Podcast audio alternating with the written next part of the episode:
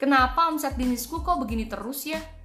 Ayo, jangan salahkan orang, jangan salahkan pesaing, dan jangan salahkan bawahan. Tunjuk hidung sendiri dulu deh. Jangan-jangan memang kita yang salah. Coba introspeksi kembali kesalahan apa yang dilakukan sehingga bisnis yang dijalankan omsetnya jalan di tempat. Hai mamaku semua, kembali lagi dalam saluran podcast Bisnis Mama Muda bersama saya Nun Virialita. Pada kesempatan kali ini saya akan memberikan tips bagaimana cara menaikkan omset di masa-masa pandemi.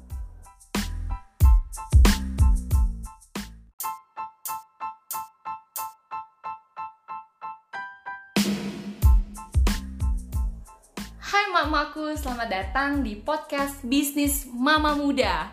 Bersama saya, Nun Virialita Di saluran podcast ini, saya akan banyak sekali memberikan tips seputar mama muda Yang ingin berbisnis meski hanya dari rumah. Selain itu juga ada tips bagaimana memulai bisnis tanpa modal tentunya